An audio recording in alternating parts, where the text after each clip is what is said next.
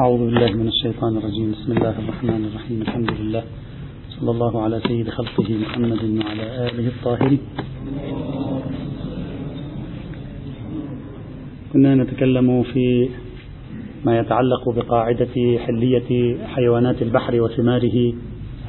هل توجد قاعدة في الكتاب الكريم تتكلم عن حلية حيوان البحر وثمره أو لا؟ ذكرنا الآية التي استدل بها أحل لكم صيد البحر وطعامه متاعا لكم وللسيارة وحرم عليكم صيد البر. ما دمتم حرما وقلنا توجد عدة إشكالات على استفادة قاعدة في باب الأطعمة والأشربة البحرية من هذه الآية القرآنية الكريمة. ذكرنا ثلاث إشكالات وعلقنا عليها. الإشكال الرابع وفي الحقيقة هو العمدة.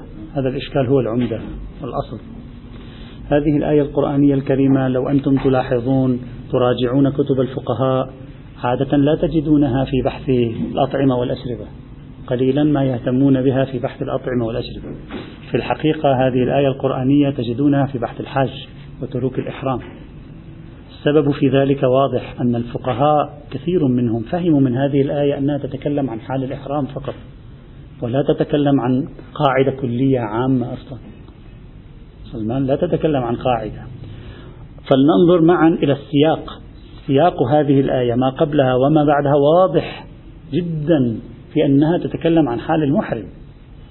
لاحظوا معي قوله تبارك وتعالى قبل هذه الآية يقول يا أيها الذين آمنوا ليبلونكم الله بشيء من الصيد تناله أيديكم ورماحكم.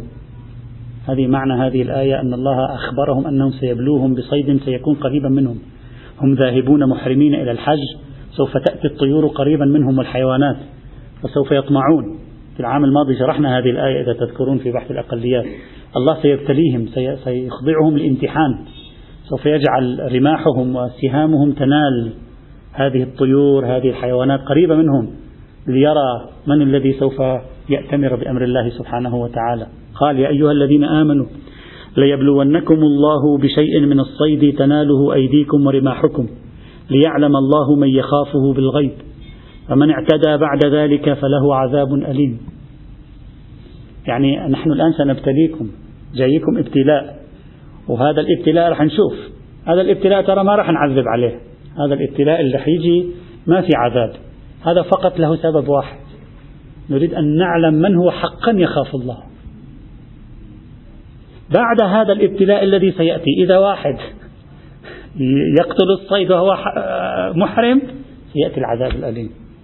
فهي هذه هذا هذه الحرمة قد صدرت لكن ليس لها مفعول أخروي أو مفعول عذاب. لها فقط مفعول تمييز الصالح عن غير الصالح. والقرآن الكريم تكلم كثيرا عن تمييز الصالح عن غير الصالح. يا أيها الذين آمنوا ليبلونكم الله بشيء من الصيد تناله أيديكم ورماحكم.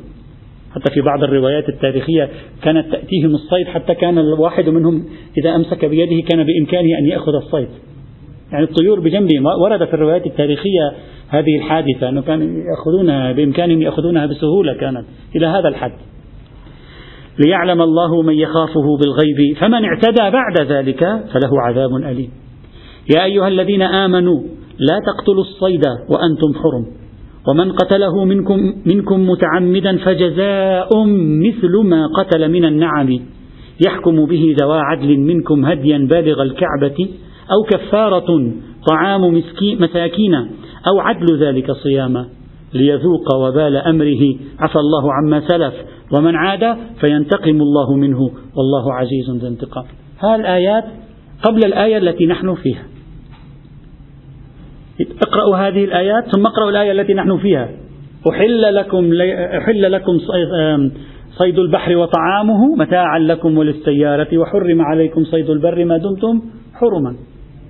ثم يقول بعدها مباشرة بعد الآية التي هي محل شاهدنا مباشرة يكمل يقول جعل الله الكعبة البيت الحرام قياما للناس والشهر الحرام والهدي والقلائد ذلك لتعلموا أن الله يعلم ما في السماوات وما في الأرض وأن الله بكل شيء عليم.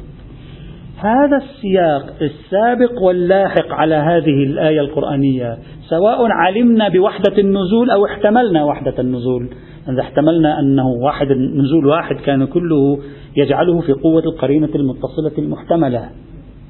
ويفرض علينا الأخذ بالقدر المتيقن هذا السياق يخرج الآية عن بحث الأطعمة والأشربة سيصبح معنى الآية هكذا. يا أيها الناس المحرمون لا يجوز لكم أن تصطادوا. والله سيبلوكم بالصيد. يا أيها المحرمون من اصطاد منكم فهناك كفارة كذا وكذا وكذا. يا أيها المحرمون صيد البحر وطعامه حلال لكم. صيد البر هو الحرام ما دمتم محرمين. إذا الآية ليست ناظرة إلى إطلاق حلية وحرمة صيد البحر. أو طعام البحر. وإنما ناظرة إلى حال المحرم. تقول له أيها المحرم صيد البر هو الذي حرمناه عليك وتوعدناكم بالعذاب إذا خرقتموه وألزمناكم بالكفارة عليه. صيد البر هذا. هلا صيد البحر؟ طعام البحر؟ لا إشكال فيه. هذا لا نتكلم عنه. ما معنى لا إشكال فيه؟ أي لا إشكال فيه من حيث المحرمية. المحرمية لا من حيث ذاته. الآية أصلا سياقها دمر كل القوة الإطلاقية الموجودة فيها حينئذ. فلا نستطيع أن نستفيد من هذه الآية القرآنية الكريمة قاعدة عامة كلية في بحث حيوان البحر وثماره. كل ما تقول بصرف النظر ما هو الحلال والحرام من الحيوانات. بصرف النظر. المحرم يحرم عليه صيد البر ويجوز له صيد البحر وطعام البحر. هذا هو. فهذا ترخيص في مورد توهم الحاضر فقط.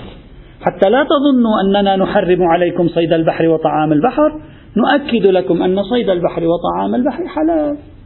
المشكلة في صيد البر فقط. هذا الذي نحرمه عليكم لا أكثر ولا أقل.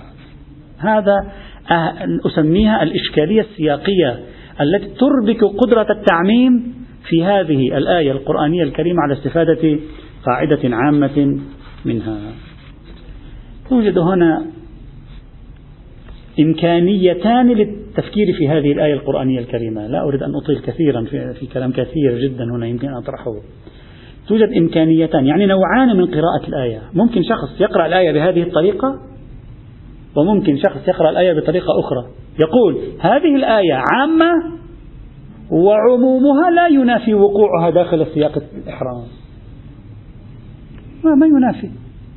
يعني في داخل بحث الإحرام في داخل أحكام المحرمين جاءت آية وقالت أيها الناس بشكل عام أيها الناس صيد البحر وطعامه حلال. صيد البر هو الحرام في مورد الإحرام. هنا في مثل هذه الحال أنت أعطيت القاعدة الكلية ومرتبطة بالمورد لا أنها غير مرتبطة بالمورد. كيف يعني مرتبطة بالمورد؟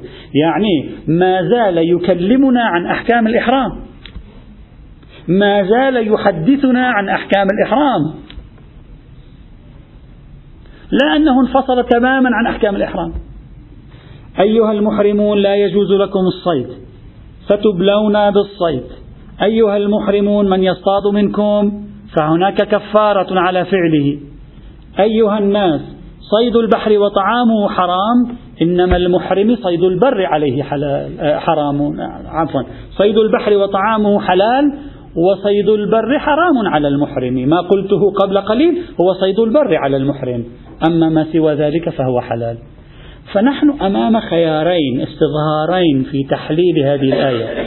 خيار يربطها بالأصل بموضوع الإحرام وبالتالي لا نظر لها إلى الكلية وخيار يحافظ على كليتها وفي الوقت عينه يقول تقبل أن تكون في موضع الإحرام. لا خلل في ذلك. فكروا أنتم في الخيارين لا أريد أن أدخل في هذا الموضوع. فكروا أنتم في الخيارين. هل تستطيع في هذه الآية أن تستنطق منها قاعدة كلية؟ وفي الوقت عينه تحافظ على السياق. مثل لا تنقض اليقين بالشك. السياق واضح سياق آه، آه، بحث الطهارة. الخفقة والخفقتان تبطلان الوضوء أو لا تبطلان الوضوء. وأعطاه قاعدة عامة كلية. هنا نفس الشيء. الصيد حرام على المحرم وهو يقول ذلك. يقول كل طعام البحر وصيده حلال والمحرم صيد البر عليه حرام. غير صيد البر حلال على غير المحرم أيضا. الآن لا أدري وجدانكم العرفي ماذا يعطيكم. لأن القضية فيها تفكيك. أنا فقط سأشير إلى مداخل أريد أدخل في هذا الموضوع في هذه الدورة هذه المرة. فكروا في كلمة متاعا لكم وللسيارة. ما المقصود من السيارة؟ من هم السيارة؟ الخطاب موجه إلى من؟ هل هو موجه للمحرمين الذين هم محرومون بالفعل؟ هل هو موجه للمؤمنين الذين الذين ما زالوا في المدينة؟ والذي قال لهم سيبلوكم الله بشيء من الصيد سيبلوكم الله بشيء من الصيد يعني قبل أن يحرموا للتوهم بعدهم لم يحرموا. هل هو موجه للمؤمنين المقيمين في المدينة فيقول أحل الله صيد البحر وطعامه متاعا لكم؟ أي أيها المقيمون وللسيارة أيها المسافرون. أو أنه يقول سيبلوكم الله بشيء من الصيد. هذا حال السفر إلى مكة. فإذا قال كان حال السفر إلى مكة سيبلوكم الله بشيء من الصيد. ثم معنى أن يقول لهم متاعا لكم؟ يعني أيها المسافرون إلى مكة. وللسيارة من هم السيارة إذا ما المقصود بالسيارة؟ يعني السيارة إذا أولئك الذين يسافرون إلى مكة من غير يسافرون من غير المحرمين. فالآيات تكون عامة حينئذ. فكروا في الأطراف. فيها لا أريد أدخل في هذا الموضوع بحثنا في الدورة السابقة. لأن إذا أدخل في هذا الموضوع سنبقى يومين. آه، لا أريد أن أطيل فيه كثيرا. فكروا في من هو المخاطب بالآية. لا حقيقة اجلسوا تأملوا لأن قليل جدا الكلام في هذه الآية بالمناسبة جدا قليل في هذه الآية في الأطعمة والأشربة. فكروا من هو المخاطب بهذه الآية. من هم المقصود بلكم؟ من هم المقصود بالسيارة؟ هل المقصود بالسيارة مطلق المسافرين من غير المحرمين؟ هل المقصود بالسيارة محرمون مسافرون؟ هل المقصود بالسيارة الأنعام؟ أنعامكم هي السيارة لأنها تسير. ما هو المقصود؟ فكروا في هذه الاحتمالات. آه، حتى لا نطيل في هذا الموضوع لأن شوية فيها سلسلة من الإشكالات سلسلة من الردود المحتملة التي يمكننا طرحها. النتيجة التي أنا توصلت إليها الآية عامة. الآية النتيجة التي أنا توصلت إليها أن الآية عامة ولا يضر السياق بعمومها ونستطيع استنطاق كليتها من خلال الارتباط مع السياق وحتى بدون ارتباط بالسياق. هذه قناعتي الشخصية لا نريد أن نطيل كثيرا في هذا. هذا حاصل الإشكال ومفتاح الجواب. فكروا فيه لا حتى لا ندخل في موضوع طويل. المحور الخامس. أصالة الحل أو الإباحة تكلمنا الآن عن أربعة محاور. المحور الأول كان واحد منها كان آه، الخبائث. واحد منها كان الأطعمة الخاصة. واحد منها كان طعام البحر واحد منها كان الخمر والمسكرات. المحور الخامس نحن قلنا سبع محاور قرآنية. المحور الخامس أصالة الحل أو أصالة الإباحة. ماذا نقصد من هذه آه، الفكرة؟ نحن هنا لا نقصد من أصالة الحل أو أصالة الإباحة أصالة البراءة. ما لنا علاقة بأصالة البراءة؟ أصالة البراءة أدلتها خاصة. نحن لا نبحث إذا شككنا في حكم حلال حرام هل الأصل هو الحلية أو لا؟ ما هذا ما لنا علاقة فيه أبدا. ليس هذا هو بحثنا في أصالة الحل وليس هذا هو بحثنا في أصالة الإباحة هنا. ها واحد. اثنين. أيضا ليس بحثنا في أصالة الحل وأصالة الإباحة مرتبطا بالشبهات الموضوعية. إذا اختلط لحم مذكى بلحم غير مذكى قال بعضهم بأصالة الحل وبعضهم ما قبل أصالة الحل أجر قواعد العلم الإجمالي. هذا في مورد الشبهات الموضوعية. بحثنا ليس في الشبهات الموضوعية هنا لا نبحث في الشبهات الموضوعية. نبحث في الشبهات الحكمية. إذا بحثنا لا علاقة له بأصالة البراءة. بحثنا لا علاقة له بالشبهات الحكمية. ما, مع ما هو بحثنا؟ بحثنا الأشياء للأفعال. الأشياء. الأشياء. نأخذ بعين الاعتبار أعيان خارجية.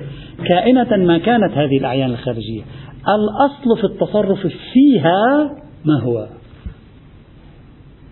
ومقصودنا من الأصل دليل عام فوقاني وليس أصل عملي في مورد الشك يعني هل نملك في القرآن الكريم آية لها قدرة على أن تخبرني كل التصرفات في كل الأشياء من حيوانات من نباتات من جمادات بمطلق أنواع التصرف أكلا شربا صناعة استفادة الأصل يعني العموم يفيدني الحلية والأدلة الأخرى كلها مخصصات لهذا العموم أو لا.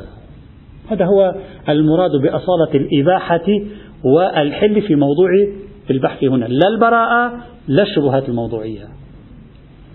هذا البحث له نتيجتان محتملتان قبل أن نبدأ به. النتيجة الأولى إن الأصل في الأشياء من حيث التصرف فيها هو الحلية. أي أشياء كانت. أو الأصل في الأشياء من حيث التصرف فيها هو الحرمة. أي أشياء كانت. وهذا هو المعنى الوسيع للقاعدة. الاحتمال الثاني في النتيجة. الأصل في الأشياء بمعنى الأصل في الأطعمة والأشربة حلية الأكل. فقط. الأصل فيما يطعم أو يشرب حلية تناوله أكلا وشربا وغيره يحتاج إلى دليل. هذا نسميه القاعدة بحدها الأدنى وذاك نسميه القاعدة بحدها الأعلى. القاعدة بحدها الأعلى كل شيء على هذه الكرة الأرضية وفي السماء. لنا التصرف فيه كيفما شاء ما لم يأتي دليل بعنوان أول أو ثانوي يخرجه عن تحت حرية التصرف. القاعدة بحدها الأدنى. لا ليس كل شيء. في باب الأطعمة والأشربة فيما يطعم أو يشرب الأصل جواز التصرف طعاما وشرابا في الأشياء إلى أن يثبت دليل على تحريمها. ومرادنا من الأصل في الموردين عموم فوقاني وليس أصلا عدميا ولا أصلا عمليا. أرجو الانتباه جيدا. فيما يتعلق بالقاعدة بحدها الأعلى وبسعتها الوسيعة يوجد دليل قرآني وأنا سأستبعد أدلة البراءة وأستبعد أدلتهم في باب الشبهات الموضوعية ما لنا شغل فيها. عندهم أدلة هنا لكن بعضها هو البراءة بعضها الشبهات الموضوعية ما لنا شغل فيها. قرآنيا يوجد دليل واحد فقط. قرآنيا يوجد دليل واحد فقط ادعي أن بإمكاننا أن نستفيد منه لإثبات حلية التصرف في جميع الأشياء التي خلقها الله ما لم يخرج بدليل. وهذا المرجع القرآني هو الآية 29 من سورة البقرة. قال تبارك وتعالى هو الذي خلق لكم ما في الأرض جميعا ثم استوى إلى السماء فسواهن سبع سماوات وهو بكل شيء عليم. قالوا غير واحد من العلماء قال هذه الآية القرآنية تدل تدل على أن كل شيء لم يأتي فيه حظر من عقل أو نقل فهو مطلق حلال لنا. هي الآية تقول له حلال. تخبرني كأمارة بحليته. فأنا أملك أمارة لا أصل عملي. ما في معنى أصل عملي هنا. والآية مس... ويشهد على ذلك عندهم أن الآية مسوقة مساق الامتنان. كيف يمتن الله على العباد؟ فيقول خلق لكم ما في الأرض في... ثم يكون هذا الذي يمتن به محرم. فيه مضرة فيه فساد ليس فيه مصلحة. الامتنان لا يكون إلا بشيء خلقته لنا فيه المصلحة لنا. فلا بد أن يكون مساق الامتنان مساق حلية هذا الشيء. إذ لو كان هذا الشيء محرما لا معنى للامتنان فيه. فمقتضى الآية إعلان أن كل ما في الأرض طبعا هي ما في في السماء في الأرض. فإذا جبنا شيء من القمر لا تشمله الآية. خلينا بعد بالكرة الأرضية الآن. آه، الآية تتكلم عن الأرض. كل ما في الأرض هو خير لكم صلاح لكم. إذا يمكنكم التصرف فيه. هذا تقريب استدلال الكثير من العلماء بهذه الآية القرآنية لإثبات قاعدة باسم قاعدة الحل ما لم يخرج بدليل. طبعا قبل أن نبدأ بتحليل الآية القرآنية الكريمة يجب أن أشير إلى أمر وهي أن العديد من العلماء مع كامل الأسف الشديد لم يقرأوا هذه الآية بشكل صحيح قرأوها بشكل غير صحيح وبنوا على قراءتها بشكل غير صحيح. بنوا مش قرأها سهوا. طريقة الاستدلال كانت مبنية على أنه قرأ الآية بطريقة غير سهوة. وعلى رأسهم الميرزا النائيني وعلى رأسهم الميرزا النائيني رحمة الله تعالى عليه. فإنهم فإنهم قرأوا هذه الآية أحل لكم ما في الأرض جميعا. وأحل لها ظهور مباشر في التحليل.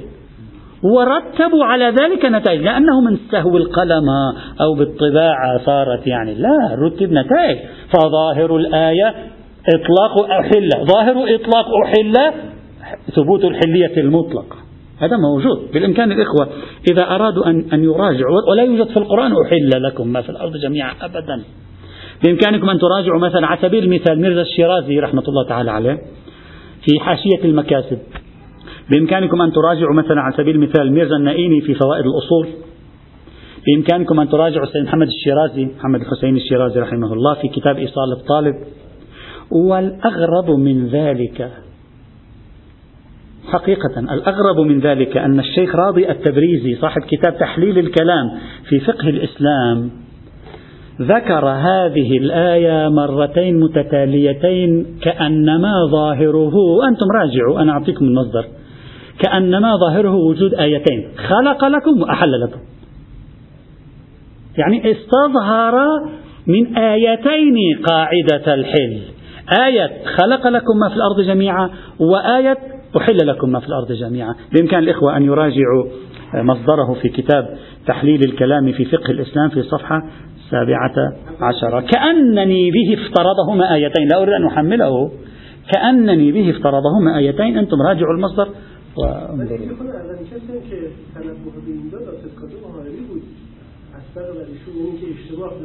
ربما لا أدري. أنا لم أجد نعم لم لم أجد كلام السيد الحائري. أو لم لم يصادفني أو لم يصادفني كلام السيد الحائري لكن عمليا هكذا. أنا أعطيت أمثلة وإلا يوجد أيضا. وهذا ليس بعزيز يعني موجود. يعني مثلا في الكفاية في آية التيمم يوجد خطأ. في الطبعات المتأخرة من الكفاية صححوا الخطأ. لم يبقوه ويكتبوا في الهامش هكذا في الأصل والصحيح كذا كما هي مقتضى الأمانة التحقيقية. لكنهم غيروا متن الآية بحسب ما كتبه صاحب الكفاية ووضعوا الآية الصحيحة. واترك الآية كما هي كما كتبها الرجل. فيمكن يكون عنده تخريج أنا ما أدري لكن مقتضى الأمانة هو هكذا. هذا يحصل في كتابات الكثيرين. لا لا ممكن أحيانا يكون سهو وممكن أحيان أخرى. هذا أريد أن أخرج باستفادة. لا أريد أن أعلق بمعنى أن أضع نقطة والعياذ بالله على أحد. الآيات القرآنية لا كما قلت في المرة الماضية لا لا تقرأها في كتب الفقه. النص القرآني اقرأه في القرآن اقرأه ضمن سياقه اقرأه كمفسر لا تقرأه كفقيه فقط. قراءة النص كفقيه يجعلك تقرأ جزء الآية فتبقى كل عمرك تقرأ جزء الآية. في يوم من الأيام إخواني الأعزاء قرأتم ما العلاقة بين قوله تعالى في بداية سورة المائدة يا أيها الذين آمنوا أوفوا بالعقود أحلت لكم بهيمة الأنعام. شو العلاقة بين أوفوا بالعقود أحلت لكم بهيمة الأنعام؟ يعني ظاهر الآية هكذا كان أوفوا بالعقود فإن الله أحل لكم بهيمة الأنعام. هل في يوم أنت قرأت أوفوا بالعقود ضمن سياقها؟ أنت قرأت أوفوا بالعقود ألف مرة. لم تقرأ قبلها كلمة ولم تقرأ بعدها كلمة. طبعا في الكتب الفقهية أعني ليس في قراءة القرآن. لذلك قلنا الأنس مع القرآن أهم من والأنس مع الحديث أهم من اقتطاع النص والأنس بالنص المقتطع. وأول لعل أول من التفت إلى طبيعة موضع آية أوفي بالعقود هو المحقق اليزدي رحمة الله تعالى عليه في حاشيته على المكاسب. ألفت إلى نقطة ثم تبعه بعض الذين تنبهوا إلى أن كلمة العقود هنا قد لا يكون لها علاقة بالعقود بين الناس. قد يكون لها علاقة بالعهود مع الله. العهد مع الله أصلا لا علاقة لها بفضائم المعاملة. توجد مناقشات. أنا تعرضت لهذا البحث بالتفصيل في إحدى المقالات في كتاب دراسات فقه الإسلام المعاصر حول قاعدة آه، الوفاء بالعقود بين التعميم لكل العقود بما فيها المستجدة وبين التخصيص بالعقود المتعارفة هناك صار في مداخلة فعلى أي حال يستفيد الإنسان من يعني بعض يعني ربما السهو خلينا نقول الذي قد يقع به الآخرون. فإذا الآية عامة خلق لكم ما ما الدالة على الاستغراق جميعا الدالة على الشمول وبالتالي تفيد قاعدة باسم قاعدة حلية التصرف في جميع الأشياء إلا ما خرج بدليل. توجد هنا مجموعة من الملاحظات التي يمكن أن تسجل الملاحظة الأولى. لا قرأوا الآية كتبوها في كتبهم لا أنا مثلا أنا أكلمك عن نفسي مثلا يعني وأنا واحد طالب طالب. كثيرا ما استخدمت تعابير آيات ليس لأنني قرأتها في القرآن. أصلا يمكن رسخت في ذهني قرأتها في القرآن يمكن نسيتها بس رسخت في ذهني من الدرس الفقهي. يمكن أنت أنت مثلي. يعني كلنا طلبة أوفوا بالعقود سمعناها حفظناها من الكتب الفقهية. حتى كثير من الطلبة الآن يمكن ما يلتفت موقع أوفوا بالعقود في القرآن أين؟ لأنه طبيعي يعني هذا ليس أمرا غريبا.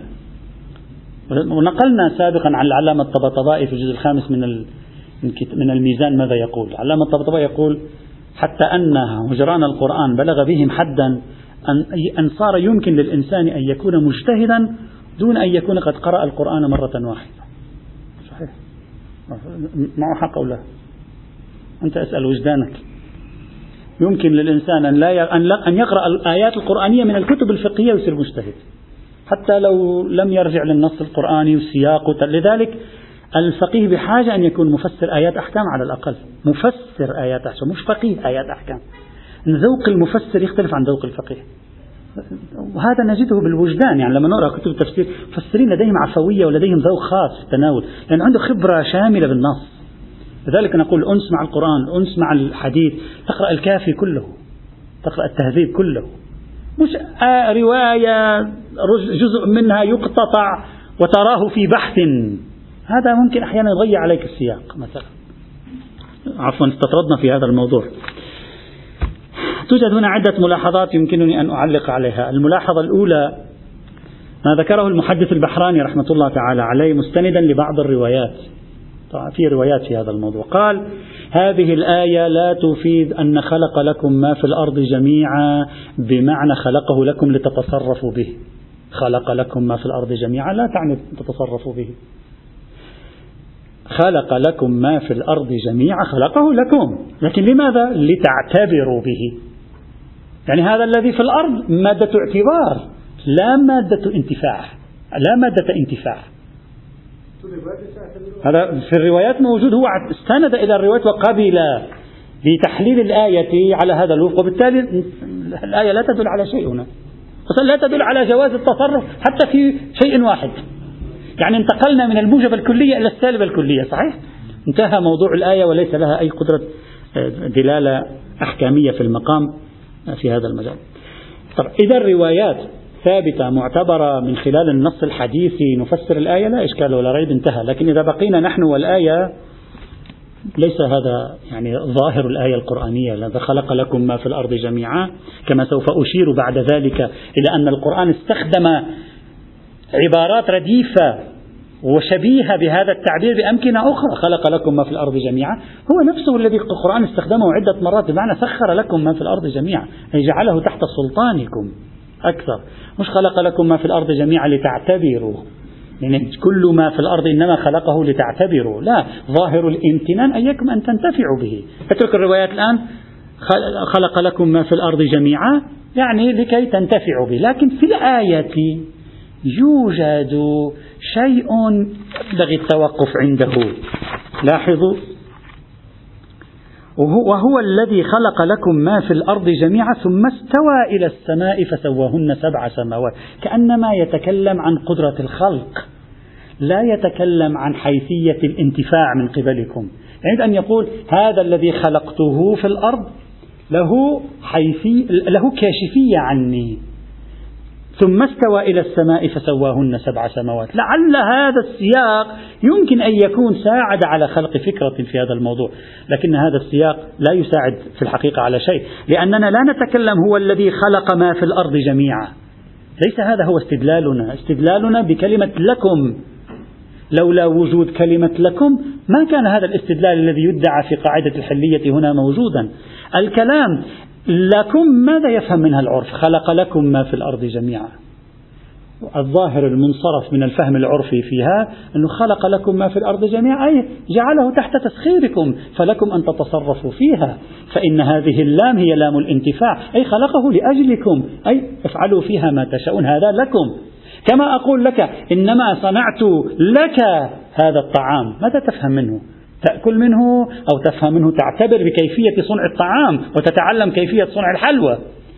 كلمة خلق لكم ما في الأرض جميعا تعطي أكثر بقرينة الامتنان أن يكون ذلك في مقام الانتفاع لا في مقام آخر.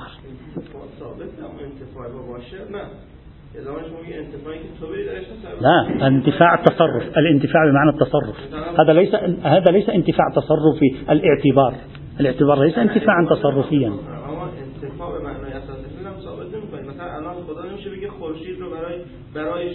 کرده طيب.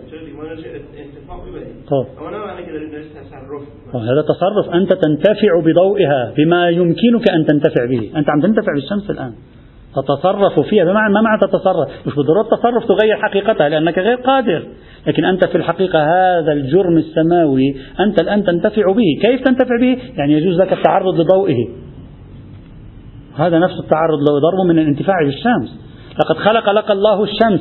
ما معنى؟ يعني أنتفع بها أضع مزروعاتي في معرضها أضع جسمي في معرضها لأنتفع منها فيتامين دي وغيره. هذا هو. لا هذا طبعا مقاربة أولية أن الظاهر الأول من خلق لكم ما في الأرض جميعا يعني هذا خلقه لأجلكم أنتم تتصرفون فيه. لكن الإحتمال المثار في كلمة صاحب الحدائق خلوه في بالنا. أنا بعدين نحن إشكالنا على الاستدلال بهذه الآية سوف يكون شاملا. الملاحظة الثانية. قال بعضهم لفظ ما في الأرض ما في الأرض ظاهر في الأشياء المنتجة من قبل الطبيعة. ظاهر في الأشياء المنتجة من قبل الطبيعة. فلا يشمل الأشياء المنتجة من قبل الإنسان. يعني لا من قبل الطبيعة. مثلا أعطوا مثل الخمر. الخمر منتج إنساني لا منتج الطبيعة. خلق لكم ما في الأرض جميعا. هذه منصرفة عن مثل الخمر الذي هو صناعتكم أنتم. البول والغائط أجلكم الله. هذا ليس خلقه الله لكم. مثلا هذا خلقتموه لأنفسكم. مثلا. فيقول منصرفة عن جملة من المحرمات التي هي في الأصل لا لا يصدق عليها خلق لكم ما في الأرض جميعا. خلق لكم ما في الأرض جميعا أي شيء على طبيعته. لا الشيء الذي يمكن أن يكون محرما وفي الحقيقة هو صنع بصنع صانع بفعل فاعل على غير الحالة الطبيعية الأولية. هذا التقييد أيضا غير ظاهر الحق والإنصاف. المفهوم عرفا مما خلق لكم ما في الأرض. يعني كل ما على هذه الأرض سواء جاء بالواسطة أم جاء لا بالواسطة. يعني خلق لكم ما في الأرض. يعني هذه تعبير ما في الأرض جميعا خاص بغير ما نحن نصنعه. لا أدري إذا كان الفهم العرفي يفهم. يعني كل ما في الأرض خلقه لكم فأنت تأتي بمجموعة من الأعشاب تصنع منها طعاما. هذا مما خلق الله لنا. ألا تقول هذا مما خلقه الله لنا؟ أنت تأتي بمجموعة من المواد تخلطها مع بعضها تصنع منها شرابا معينا. هذا تقول يعني هذا ما خلقته أنا. هذا مما خلقه الله ولو بالواسطة ولو بتوسط خبرتنا التي الله أيضا أعطانا إياها. وهو الله أيضا أعطانا خبرة صناعة مثلا المشروبات الكحولية. من, من الله سبحانه وتعالى. يعني التصرف في خلق لكم ما في الأرض جميعا بتخصيص الأرض هنا بالأمور المواد الخام. دون المواد التي هي مصنوعة من المواد الخام. أعتقد فيه قدر من التكلف علما أن الكثير من أن أغلب المحرمات في الشريعة هي مما خلقه الله لنا بتكوينه الطبيعي الأصلي. أغلب ما في المحرمات في التصرف في الأشياء أو في تناول الأشياء أكلا وشربا أغلبه على الطبيعة. يعني شيل البول وغائط الإنسان مثلا شيل الخمر. وإن كان الأشياء قد تختمر بنفسها أيضا. شيل البول والغائط وشيل الخمر. ما الأشياء المحرمة التي آه، موجودة غير هذه؟ البقية كله أسماك في البحار محرمة وهي مخلوق طبيعي. السباع محرمة وهي مخلوق طبيعي. كلها محرمة. مخلوق طبيعي هذا. الطين محرم وهو مخلوق طبيعي. يعني ما أنت لم تحل مشكلة عندما تقول أصالة الحل أو قاعدة الحل هذه هل تؤثر على نسبة المحرمات الموجودة عندنا في التصرف في الأشياء أو لا؟ حتى هذه لو أخرجتها أصلا لا تؤثر. تبقى القاعدة فاعلة في تحليل أشياء كثيرة شاملة لكثير من المحرمات. الملاحظة الثالثة. قالوا كلمة لكم. هذه لا تدل على أنه خلق لأن تنتفعوا بها. لام في لكم لام الملكية. خلق لكم هذه لام الملكية. يعني أنتم تملكون هذه الأرض. ما في الأرض ملك الإنسان. هذا فقط ما يعني يريد أن ينشئ اعتبارا قانونيا في باب الملكيات.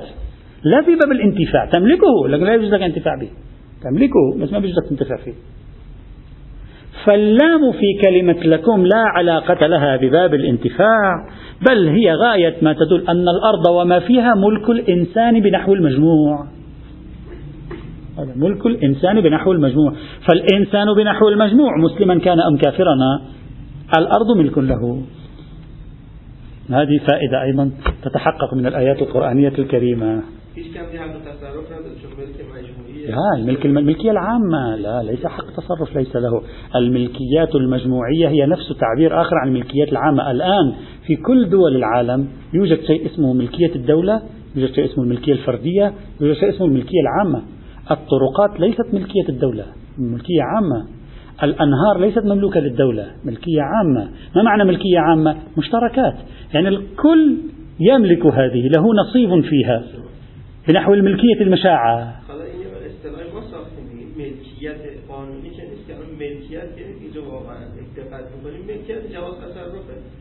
هو الملكية هو جواز التصرف ما هو؟ دقق فيه هو ليس إلا اعتبار. أيضا الملكية أيضا اعتبار يعني هذه لكم بله هم. دخالت درش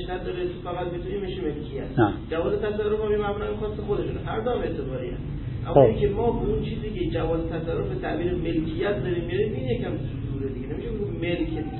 إذا كان إشكالك على فكرة الملكية العامة فهو خارج بحثنا. نحن نتكلم في الآية. أنتم تريدون تشكلوا على الاستدلال بالآية على الملاحظة هذه؟ هذا إشكال على فكرة الملكية العامة. أتركه في محله لأنه معقولة الملكية العامة. معقولة الملكية العامة. وكل القوانين تصورت الملكية العامة. نعم نتائجها ما هي بينهم بحث في نتائج الملكية العامة. على أي حال الآية القرآنية هكذا قالوا قال لا علاقة لها بالتصرفات هي فقط ملكيات. والملكيات لا, لا تلازم الانتفاعات والتصرفات. ممكن تملك ولا تطلب مثل المحجور عليه. المحجور عليه ألا يملك؟ يملك لكن لا يجوز له التصرف في ماله. هذا نعم نفس الشيء. بعض الأمور ملكك لكن لا يجوز لك التصرف فيها. الخنزير هو ملك الناس ولكن لا يجوز لهم التصرف فيه بالأكل. شو المشكلة؟ هكذا صاحب الإشكال. إلا أن هذا المعنى ربط الخلق لكم هنا بمعنى فكرة الملكية دون فكرة الانتفاع هي في الحقيقة في تقديري يعني خروج عن سياق استخدام القرآن ربط الإنسان بالطبيعة. لو راجعنا النصوص القرآنية التي تربط بين الطبيعة والإنسان هي تستخدم مفهوم التسخير والآية لا تريد أن تضيف شيئا آخر. ما الفرق بين هذه الآية القرآنية برأيكم وبين قوله تعالى الله الذي خلق السماوات والأرض وأنزل من السماء ماء فأخرج من الثمرات رزقا لكم؟ لا تنتفعون به. رزقا لي ولا أنتفع به ما معناها؟ إثبات الملكيات الاعتبارية دون أن يكون لازمه العفوي طبيعي أن أنتفع به. لا فائدة منه. أو قوله تب أو وسخر لكم الفلك لتجري في البحر بأمره وسخر لكم الأنهار. ما معنى هذا؟ وهذه خلق لكم ما في الأرض جميعا وتعبير آخر عن سخر لكم ما في الأرض جميعا جعل لكم هذا الذي في الأرض تحت سطوتكم تستطيعون تنتفعون به. مفهوم الملكية أصلا في القرآن في علاقة الإنسان بالطبيعة ليس موجودا. الموجود مفهوم الانتفاع ملكية بمعنى الانتفاع. إذا كان الانتفاع مسلوبا. لا معنى لأن يتحدث عن الملكيات. طالما الانتفاع لا وجود له في مثل هذا المجال.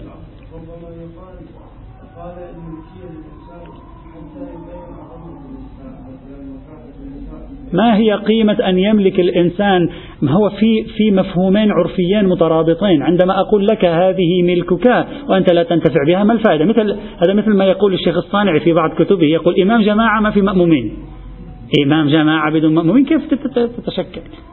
ملكية بدون انتفاع كيف؟ إلا إذا قلت لي ملكية مع بعض الانتفاعات. هنا سيأتي الإشكال الذي سنطرحه لاحقا. هذا إذا لا تربطها بالملكية. اربطها بالانتفاع بمعنى من المعاني. الانتفاع جار في جميع الأعيان دون أن يلزم من ذلك تأسيس قاعدة الحل الآن سنرى.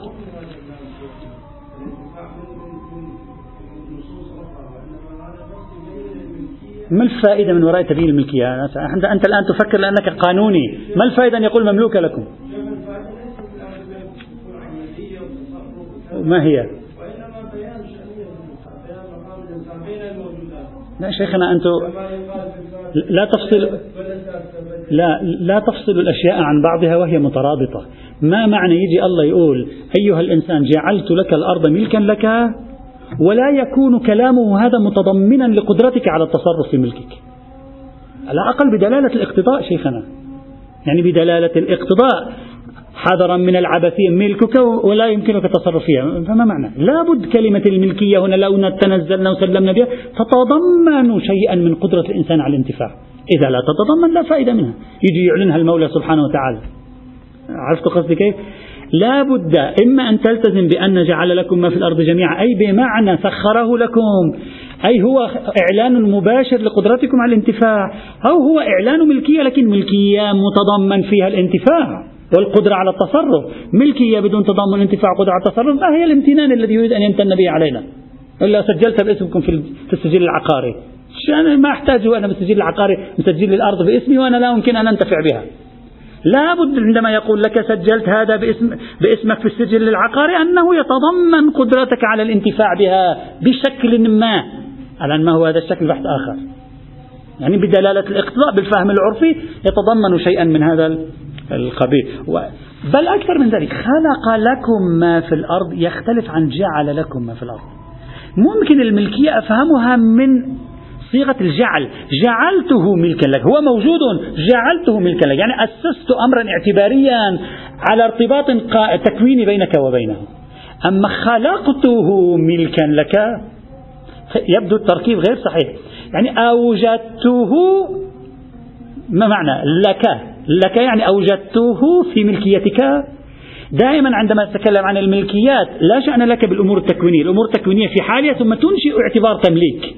بين شيئين بين إنسان وبين مملوكه. أما تقول خلق لكم ما في الأرض جميعا ويكون متعلق الخلق هو الملكية يبدو ذلك في تقدير غريبا عن الذهن العرفي وغير واضح في هذا المجال. الملاحظة الرابعة التي سنطورها وهي الملاحظة الصحيحة تأتي إن شاء الله تعالى. والحمد لله رب العالمين. في كلمة متصلة احتمالية اگه